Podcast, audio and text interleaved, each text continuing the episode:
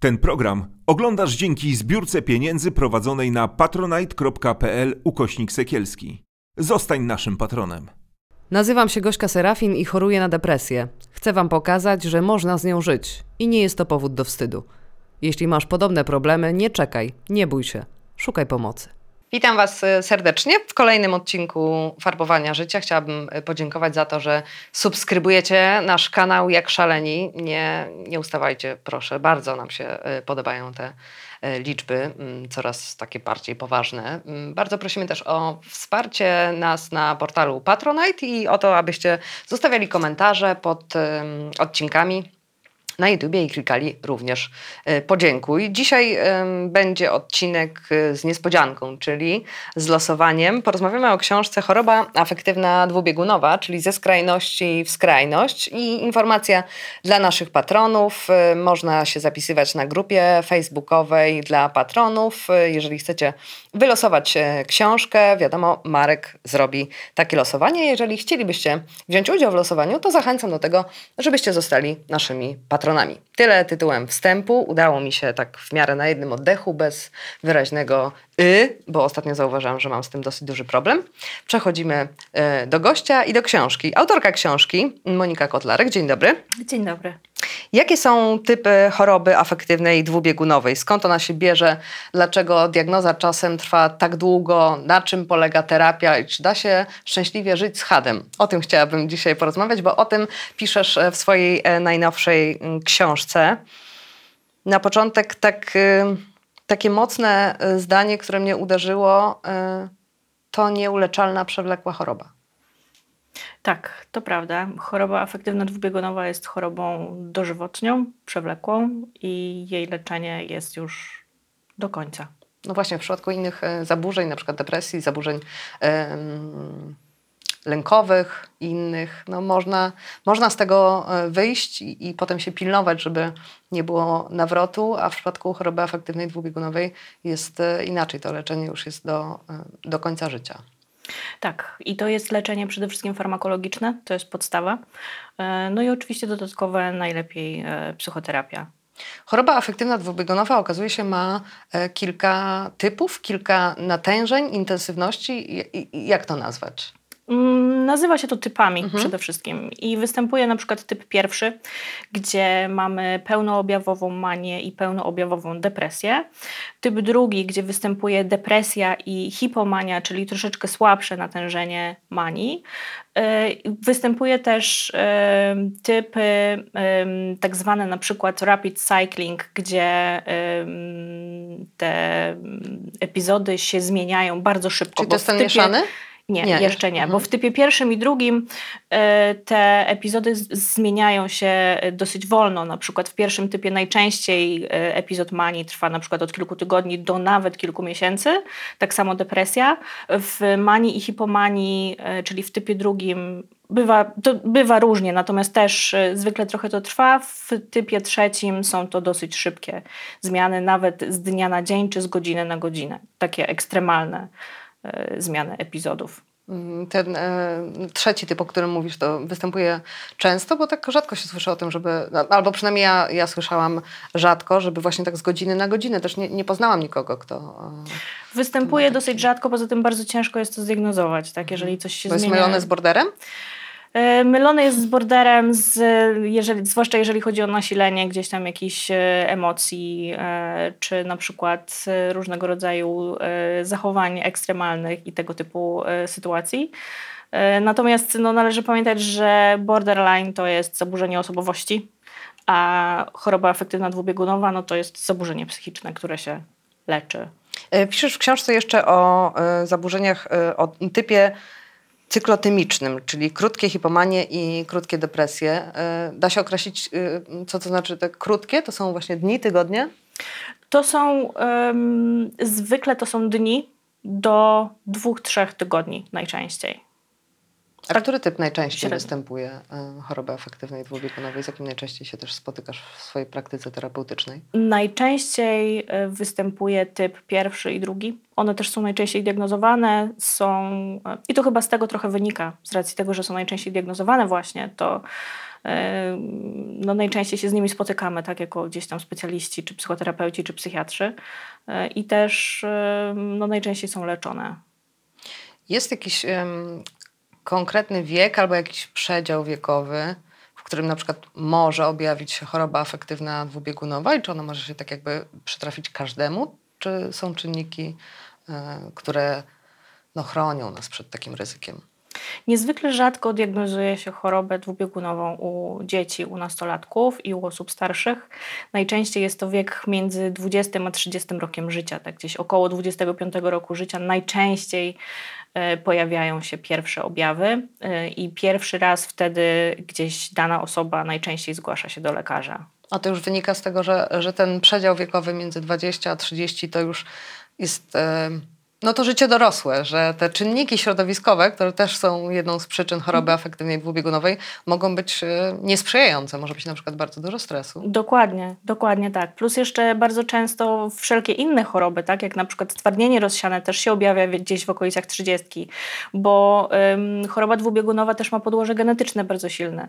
O tym też należy pamiętać i też w tym wieku mniej więcej ujawniają się y, tego typu problemy silne, czyli da się je określić jakoś e, procentowo, że ileś osób e, z chorobą afektywną dwubiegunową, ileś procent miało kogoś w poprzednich pokoleniach albo w mhm. najbliższej rodzinie? Jeżeli przynajmniej jedno z rodziców e, ma chorobę dwubiegunową, to istnieje 30-35% prawdopodobieństwo, że dziecko również będzie miało chorobę dwubiegunową. Przy dwójce rodziców no to już rośnie nawet do 60%.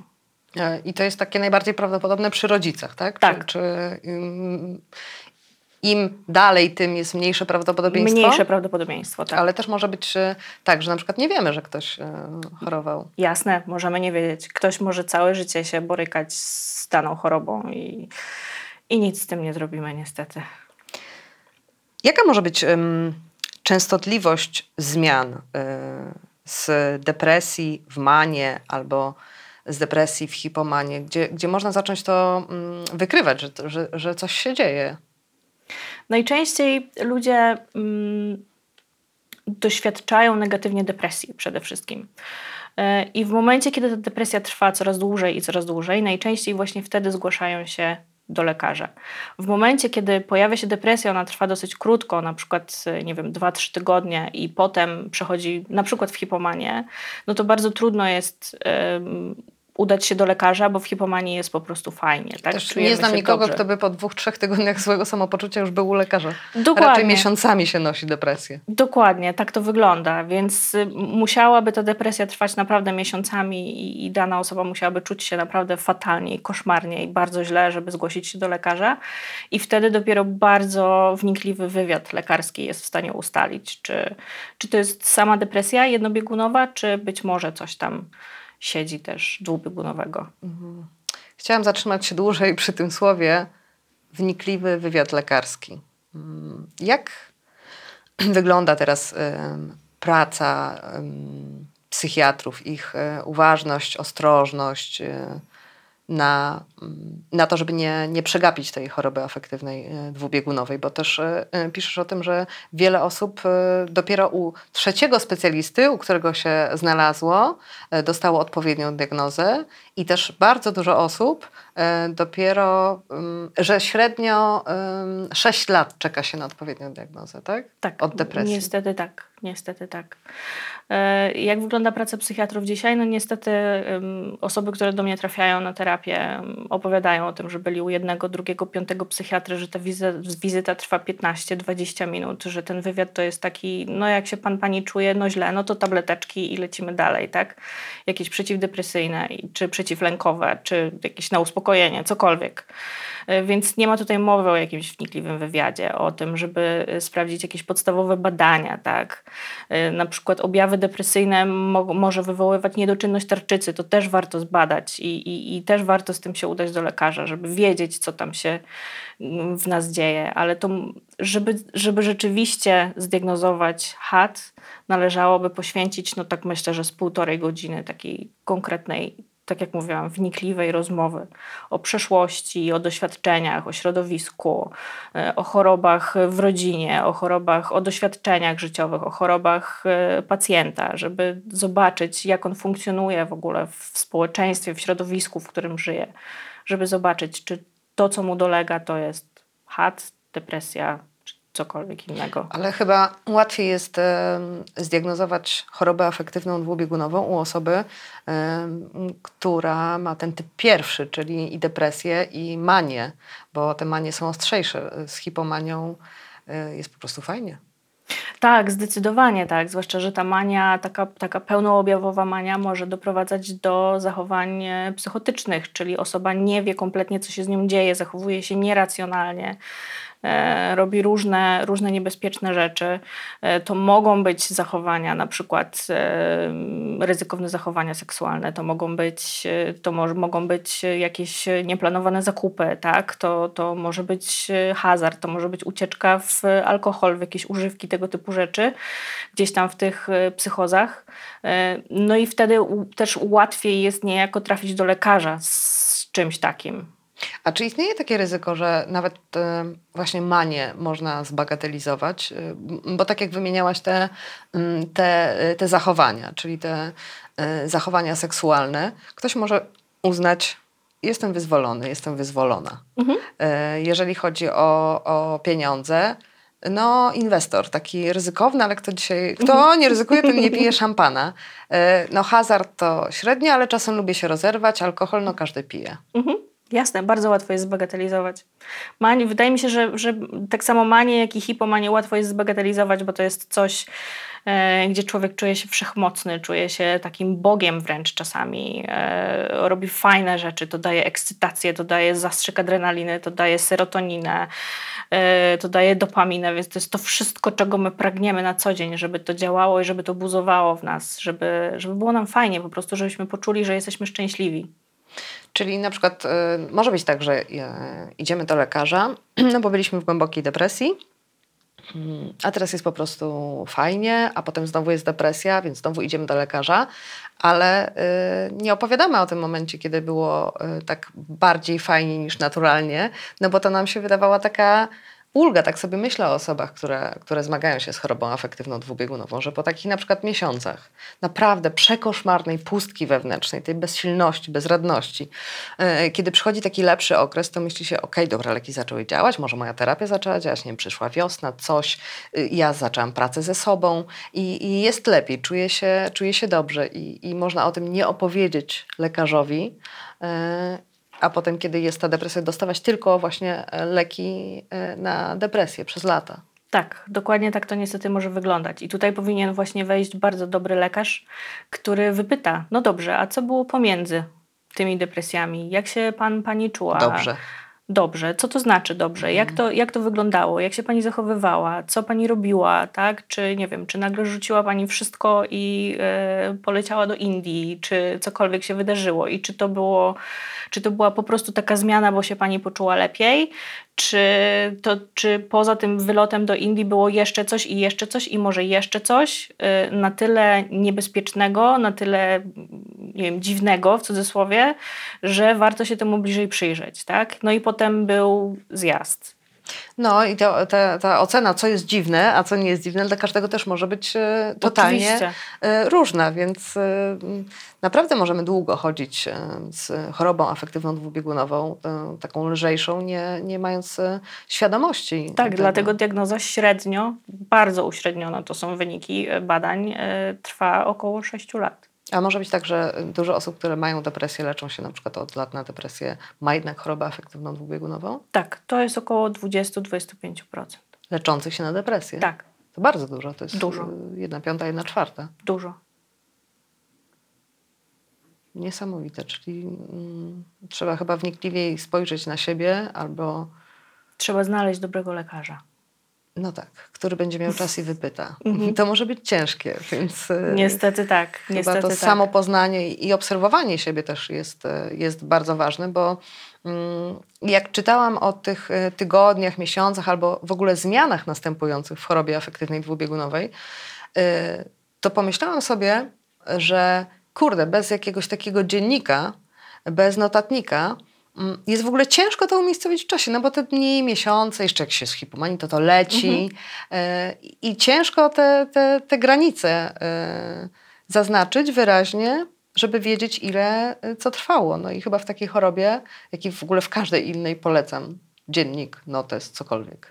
Zdecydowanie w 100% polecam. To jest bardzo, bardzo terapeutyczne, bardzo autoterapeutyczne, zwłaszcza w y, zaburzeniach związanych z emocjami, jak depresja, jak HAD, y, prowadzenie dziennika, wprowadzenie sobie takiej rutyny y, dnia, gdzie sobie na przykład siadamy wieczorem i sobie coś tam zapisujemy, czy w ciągu dnia sobie zapisujemy, robimy notatki, jak się czuliśmy, jakie emocje nam towarzyszyły, co się działo, czy było coś nietypowego na przykład danego dnia to jest bardzo, bardzo ważne, żeby coś takiego sobie założyć i wtedy kontrolować mniej więcej, co się dzieje. Czy też do, do, przygotować się do wizyty u psychiatry nawet można z takim, Jak najbardziej. Z takim notesem, bo, bo różne rzeczy y, mogą umykać, albo możemy je zbagatelizować, albo dziś inaczej o tym myśleć, ale jak się wróci tak. do tej daty, do tej karteczki, no to tam są emocje, tak? Widać emocje, albo widać jakieś takie niezdrowe y, podniecenie, bo osoba będąca w hipomanii i w manii nie czuje tego, że to jest przesadne? Jej się wydaje to totalnie normalne? Tak, że tak, że ona się czuje fantastycznie. I to jest, ona czuje, że się czuje dobrze, ale to jest yy, tak jakby to był stan naturalny dla niej. Że tak jest. Ona widzi, że jest inaczej niż jak było w depresji, oczywiście, inaczej to odczuwa, czasami może się zastanawiać, czy to jest już ta taka płaska normalność, w cudzysłowie oczywiście, czy to jest jednak górka, ale nie do końca czuję, że to jest y, mania czy hipomania. Dopiero w momencie, kiedy zaczyna się leczyć, y, zaczyna rozpoznawać te stany, że, że one się różnią od siebie i że to jest jednak hipomania czy, czy właśnie stan maniakalny. A bez leczenia możliwe są w ogóle jakieś okresy, w których nic się nie dzieje? Są możliwe, tak. Natomiast są e, bardzo, bardzo krótkie najczęściej. E, no i jednak mimo wszystko spotykamy się głównie z tym, że jak na przykład jest bardzo fajnie, czyli jest jakaś taka duża górka, no to potem ten upadek jest jeszcze boleśniejszy. I on e, jest powolny, czy to jest taki szybki spadek, jak, że z wysokiego konia się tam spada bardzo boleśnie i szybko? To jest bardzo indywidualna mhm. kwestia, aczkolwiek ja spotkałam się najczęściej z tym, że to jest taki upadek. Taki to z soboty na, na niedzielę może na, się wydarzyć? Tak, na główkę. Przy nieleczonej e, chorobie afektywnej dwubiegunowej, czy też leczonej źle? Przy leczonej, jeżeli leki nie są odpowiednio dobrane, to też. Na czym polega ten problem z, z, doborem leków e, w chorobie afektywnej dwubiegunowej? Bo podobno nie jest wcale tak łatwo je dobrać. No, w depresji też nie jest łatwo je e, dobrać, ale w chadzie jest chyba większy też wybór. Jest większy wybór i przede wszystkim w chadzie należy pamiętać o tym, że podstawą jest stabilizator nastroju. Najczęściej jest to lit, E, I mm, dopiero do tego stabilizatora nastroju dobiera się leki dodatkowo przeciwdepresyjne i na przykład leki jakieś dodatkowo, nie wiem, wspomagające sen, czy lekko uspokajające przy manii i tak dalej. I to jest właśnie trudne, bo trzeba tymi dawkami tak operować, żeby to było no, no bezpieczne, tak, żeby miało jak najmniej skutków ubocznych, żeby działało przede wszystkim, e, no i żeby działało jak najdłużej, bo też trzeba liczyć się z tym, że w, no jeżeli leczymy się na coś przez całe życie, no to też uodparniamy się na, na leki, więc jest tak, że czasami leki działają na przykład przez, nie wiem, 5 lat powiedzmy, a potem jakiś lek przestaje działać i trzeba szukać kolejnego. A propos litu, teraz mi się e, przypomniało... jak popkultura pokazuje nam e, różnego rodzaju zaburzenia i jak dużo w tym jest stereotypów i jak one pokutują, e, ale e, nie wiem, czy oglądałaś, ja jestem zagorzałą fanką absolutnie, taką psychowanką seriali szpiegowskich. Homeland. Serial Homeland, w którym główna bohaterka leczy się na chorobę afektywną dwubiegunową i rzeczywiście mm, bierze lit, ale samodzielnie go odstawia, bo kiedy go odstawia, wtedy jest e, w manii i w hipomanii i jest wtedy na maksa kreatywna. To jest mhm. kuszące u osób e, Oj, bardzo kuszące. E, oglądałam też na YouTubie taki filmik dziewczyna, która właśnie ma HAD, opowiada o swoim życiu.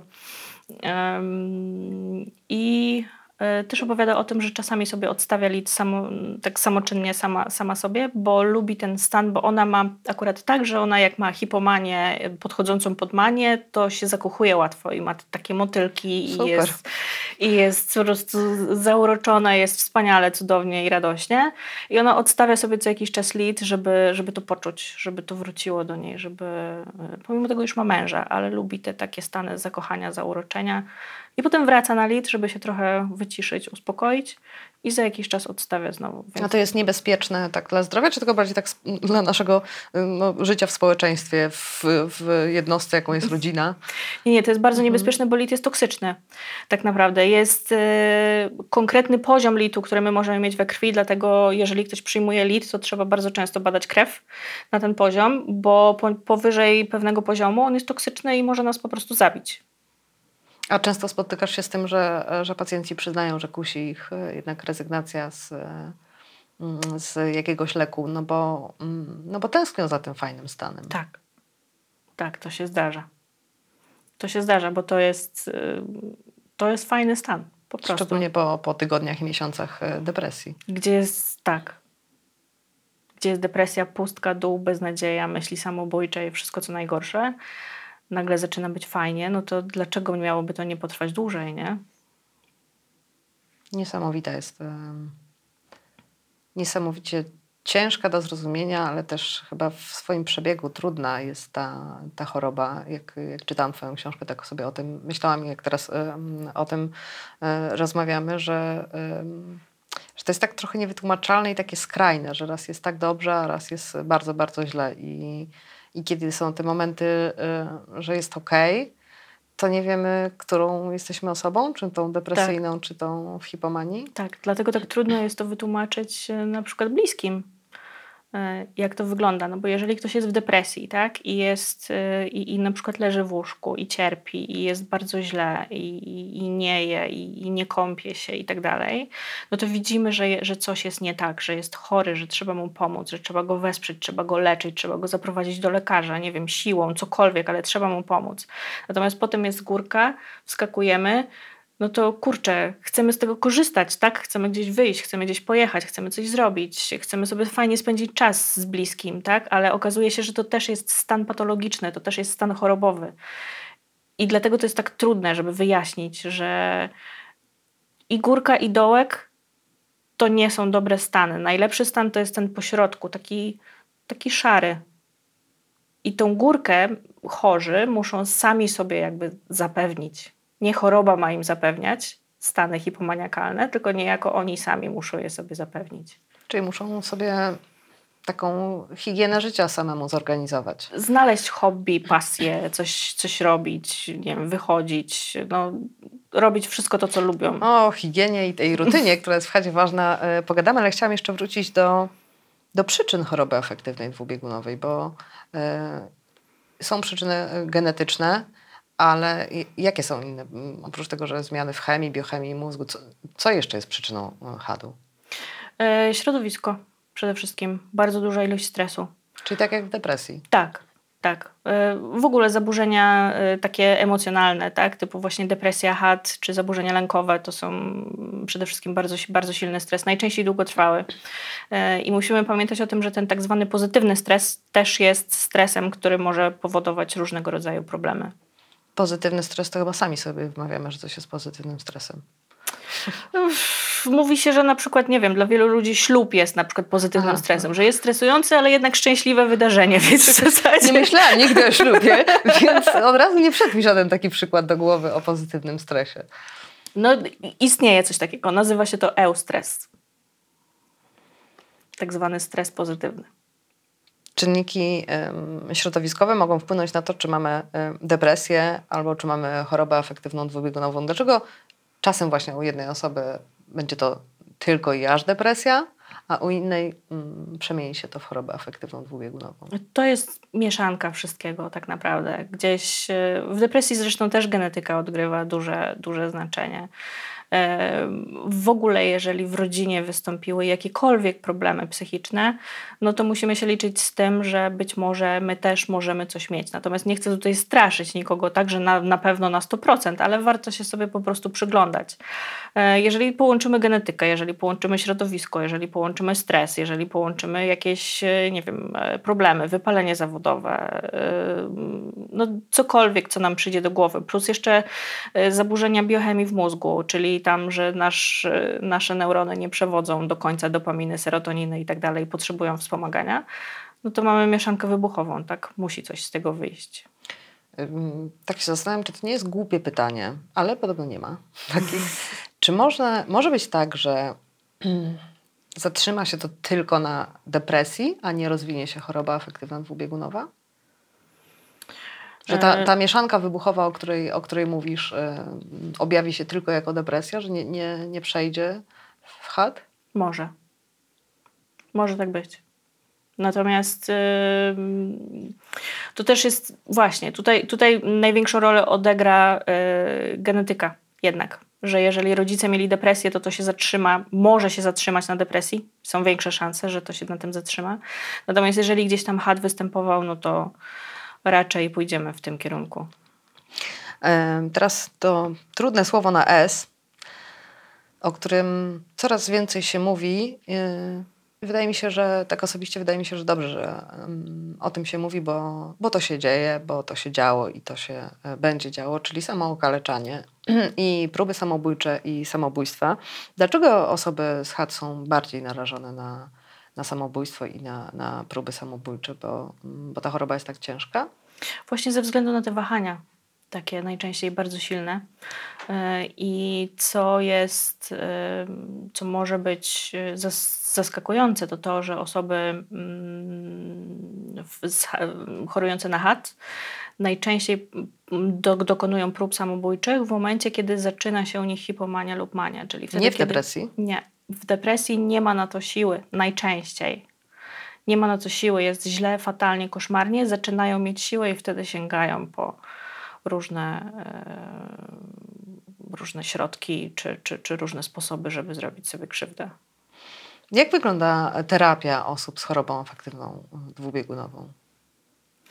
O, musimy zacząć od dobrej diagnozy. Mhm. I no, Przypuśćmy, że już e, pacjent ma diagnozę, co pewnie procentowo jest to różne, bo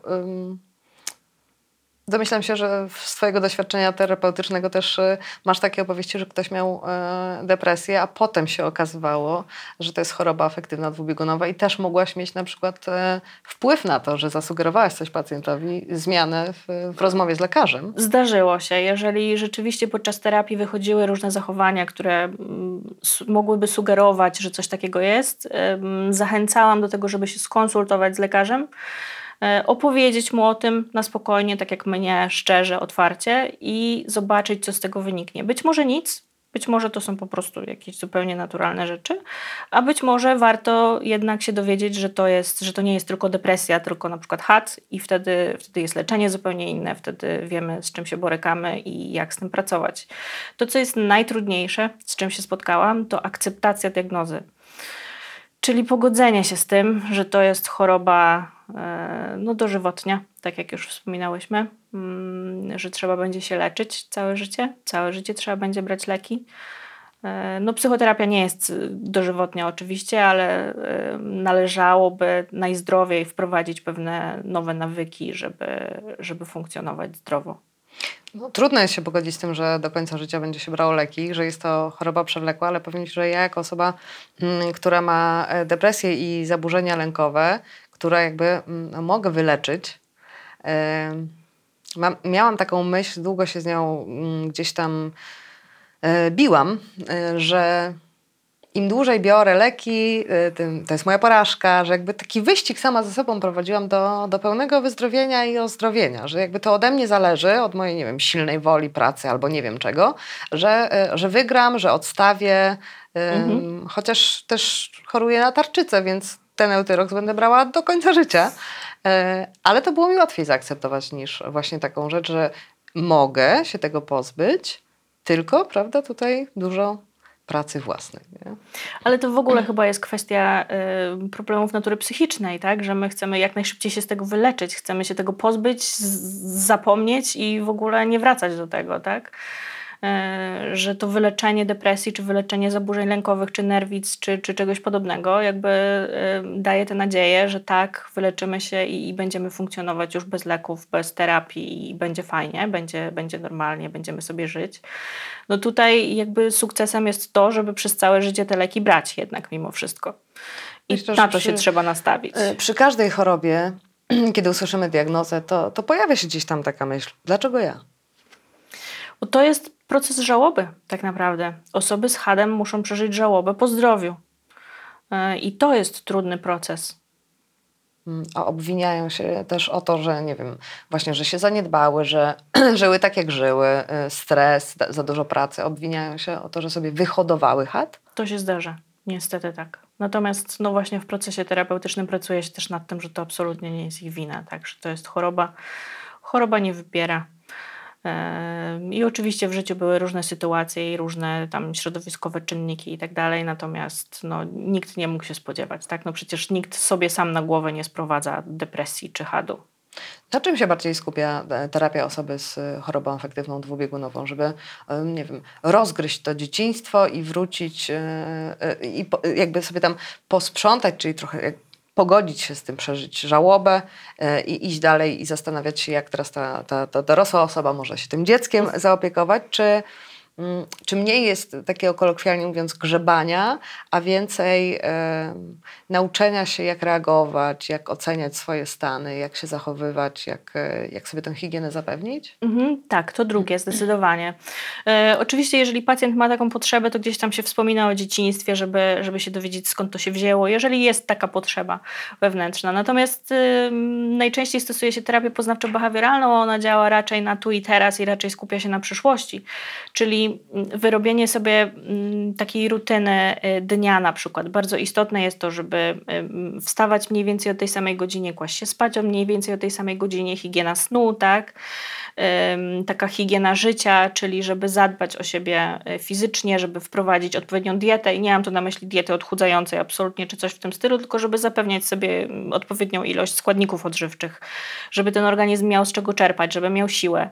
Ym, Plus dodatkowo jakiś delikatny ruch, plus y, prowadzenie y, dziennika, plus prowadzenie na przykład takiego dzienniczka emocji, czy, czy, czy coś, co, coś tego typu. Właśnie działanie na, na tu i teraz, skupiamy się na tym, żeby dobrze i zdrowo funkcjonować i na tym, żeby sobie te nawyki wyrobić na przyszłość. Mm, Czy jest tak, że osoba e, zmagająca się z hadem, będąca w depresji, tak myślę, w, wiesz, w kontekście mm, tej pracy terapeutycznej, że, że uczą się te osoby, jak, jak same siebie wyczuć, że coś się zbliża, że one już się inaczej zachowują. Czy tylko w tym momencie, właśnie jeszcze przed hipomanią i przed manią, da się to zauważyć? Jak już się wejdzie w hipomanię i w manię, to już e, da się, nie da się tego zastopować? Czy da się jeszcze tam zrobić takie stop? Jak już się wejdzie w pełną hipomanię czy manię, no to już niestety nie. To ona już musi jakby wybrzmieć sobie do końca. Natomiast tuż przed, tak samo jak tuż przed depresją, gdzie coś tam już zaczyna nam y, szwankować, no to jesteśmy jeszcze w stanie zareagować i coś zrobić. I co wtedy zaleca się osobom, e, które z jednej, z jednej strony no, pragną tego dobrego stanu, ale wiedzą, że ten, wiedzą już w procesie terapeutycznym, że ten dobry, fajny stan, on nie będzie stanem naturalnym. Jak, e, no jak odpuścić to, że może być, e, że zapowiada się tak fajnie? No właśnie, to jest bardzo trudne. Yy, I tutaj trzeba, trzeba, najpierw musimy popracować nad tym, żeby w ogóle uświadomić sobie, że ten dobry stan, on jest dobry tylko teoretycznie, tak naprawdę, że to wcale nie jest zdrowy stan i że w pewnym momencie trzeba się zatrzymać i skupić się na czymś innym. Skupić się na emocjach, yy, które się dzieją, skupić się yy, na odczuciach, na tym, co z nami się dzieje właśnie w takim stanie, co jest negatywnego w tym stanie, żeby troszeczkę sobie go jakby czy to obrzydzić, czy troszeczkę sobie go jakoś negatywnie przedstawić, tak, żeby, y, żeby skupić się na tym, żeby być tu, tu i teraz, a nie myśleć o tym, że za chwilę będę mieć hipomanię i będę się czuć fantastycznie, bo po tej hipomanii przyjdzie depresja. A depresji absolutnie nie chcemy, więc musimy się zatrzymać przed tą hipomanią, żeby się poczuć dobrze. Bo nie ma szans, żeby, żeby ta depresja nie przyszła po hipomanii albo manii. To zazwyczaj przychodzi. I jak reagują osoby zmagające się z hadem? Dyskutują, yy, bronią tej swojej racji jak niepodległości, że, że jednak mm, chcą, potrzebują tego, tego lepszego stanu? Na początku leczenia tak. Bardzo często. Że chcą, że tęsknią, że brakuje im tego, że chcą być właśnie kreatywni, że chcą coś zrobić, że chcą mieć siłę, że chcą mieć wreszcie po tych tygodniach czy miesiącach depresji, chcą mieć energię na coś, na cokolwiek, na wyjście do kina, na wyjście na kolację, cokolwiek. No i, i rzeczywiście, kurczę, z jednej strony tak chciałoby się powiedzieć, okay, fajnie, ja też chcę, żebyś miał ten dobry czas, ale, ale to nie jest zdrowy czas dla ciebie, bo potem przyjdzie znowu depresja i znowu będziesz cierpieć. Więc musisz sobie wypośrodkować, musisz sobie wyważyć, co jest istotniejsze. Czy lepiej się zatrzymać na tym poziomie takim szarym, pośrodku, poziomie zero i pomyśleć, co możesz dalej zrobić, żeby było w miarę fajnie, czy pójść w górkę, a potem spaść na samo dno. Czyli e, no, cieszyć się z takich małych rzeczy nie, Tak. nie ekstremalnych, jakby Tak. odpuścić sobie te kuszące, a czy niebezpieczne rzeczy. Coś czy małego, niebezpieczne coś- dla osoby e, z hadem. Tak, jak najbardziej. Jak najbardziej. Można też poprosić kogoś bliskiego, na przykład, nie wiem, żyjemy z partnerem, partnerką. Yy, można też wprowadzić coś takiego, że jeżeli przyjdzie nam do głowy, że nie wiem, że chcemy kupić nowy samochód, bo tak, nie mamy pieniędzy, ale weźmiemy kredyt i kupimy sobie nowe auto, no to może warto pogadać z partnerem i powiedzieć, słuchaj, wiesz co, mam taki pomysł, żebyśmy kupili sobie nowe auto. Nie mamy pieniędzy, ale sobie kupimy nowe auto. Y, Okej, zastanówmy się nad tym i wtedy ta druga osoba jest takim buforem bezpieczeństwa Gorzej jak są te pieniądze. Gorzej, jak są te pieniądze. No ale to już jest kwestia jakby wypracowania sobie swojej własnej rutyny i swojej własnej higieny takiego życia codziennego, tak? E, Wtedy ta osoba może być właśnie tym buforem bezpieczeństwa, może powiedzieć, dobra, zastanowimy się nad tym i wrócimy do tej rozmowy za tydzień albo za dwa tygodnie. Jeżeli za dwa tygodnie nadal e, stwierdzisz, że to jest świetny pomysł, to porozmawiamy znowu na ten temat i zobaczymy, co z tego wyjdzie. E, Osoba w hipomanii i w manii mm, potrafi przekonywać do swoich racji otoczenie? Oj, bardzo. Wtedy jest radość, błysk w oku, takie, takie pozytywne szaleństwo. Jasne. Jak można odmówić komuś, kto się cieszy i jest przeszczęśliwy, że chce na przykład coś kupić, tak? bo ma, nie wiem, problemy z, z nadmiernym kupowaniem różnych rzeczy. E, I wtedy przychodzi 40 paczek z AliExpress czy z, czego, skądkolwiek. E, I no jak komuś takiemu odmówić? Tak? Jak, jak, powiedzieć, jak powiedzieć nie, jak powiedzieć słuchaj, zatrzymaj się, tak? bo wtedy może być reakcja, jest akcja, reakcja, tak? czyli może być złość, e, nerwy, jakieś kłótnie, tego typu rzeczy. No to tutaj też trzeba sobie. No, zakupy no tak są widoczne, jak przyjdzie dużo, dużo paczek, ale na przykład jeżeli ktoś e, ma jakiś super pomysł na biznes i rozumiem, że e, potrafi świetnie to uargumentować i przekonać wszystkich dookoła, no to, to też to może być takie trochę mylące, no bo dlaczego mu nie uwierzyć? Jakby widać, że zna się na tym, dużo czytał, czytała, może to wyjdzie i tutaj chyba trudniej e, o tę czerwoną lampkę u bliskich.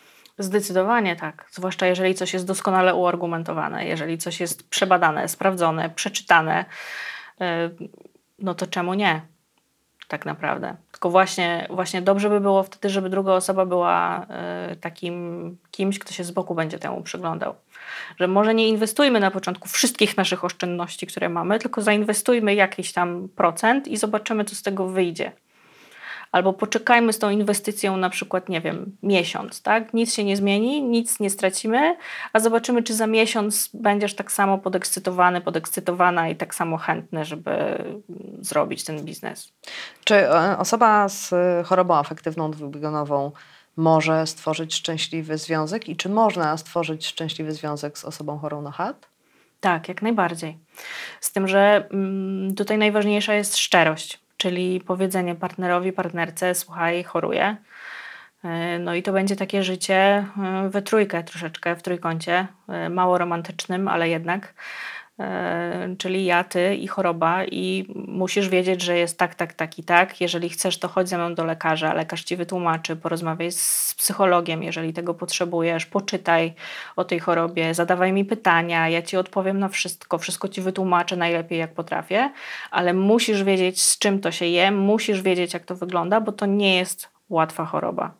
Co jest trudne dla osób, które są związane z, z kimś, kto jest um, chory na HAD, że nie wiedzą, co mogą na przykład wybaczyć i stwierdzić, że to było chorobą? Nie wiedzą, co mogą wybaczyć, też patrzenie na cierpienie, tak, na przykład w depresji. E, no nienawidzimy patrzeć, jak bliscy cierpią. E, też e, nie do, końca, nie do końca mogą wiedzieć, kiedy ten ktoś jest tak w 100% sobą, a kiedy jednak choroba troszeczkę przez niego przemawia. E, I tu nie chodzi o to, że ktoś traci kontakt z rzeczywistością, tylko no, na przykład w, w manii no, zachowuje się zupełnie inaczej, więc to tak nie, nie, nie jest w 100% tą osobą, którą na przykład partner czy partnerka poznali na początku. E, I tak, różne, różne zachowania, czy da się wybaczyć, czy da się zrozumieć, e, czy ja mam na tyle siły, żeby na przykład e, cały czas wspierać, czy mam na tyle siły, żeby cały czas pomagać. To jest trudne. Ale mogą też tak, myślę sobie, zdarzyć na przykład kłótnie, że um, osoba z chat jest właśnie w stanie uargumentować swój świetny sposób na biznes, a partner czy partnerka wie, że jakby no nie. I mhm. wtedy mogą się zdarzyć ostre. Tak, jak najbardziej. Jak najbardziej. No bo jeżeli, jeżeli mamy fantastyczny pomysł i on jest sprawdzony, tak, teoretycznie oczywiście, e, no to dlaczego nie? I jeżeli partner mówi, że nie, bo jest tym racjonalnym, e, tym racjonalnym w związku, powiedzmy akurat w tym momencie, no to rzeczywiście kłótnie, rozwody, jakieś różne problemy, tak, jak najbardziej. Hmm, a, czyli receptą jest szczerość?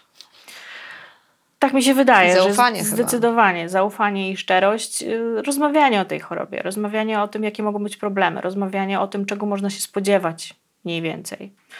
E, no i też jeżeli jesteśmy partnerami osoby chorej na HAT, no to zadbać o siebie też, o to, żebyśmy my mieli siłę wspierać. Jeżeli potrzebujemy pójść do psychologa czy do terapeuty, to idźmy.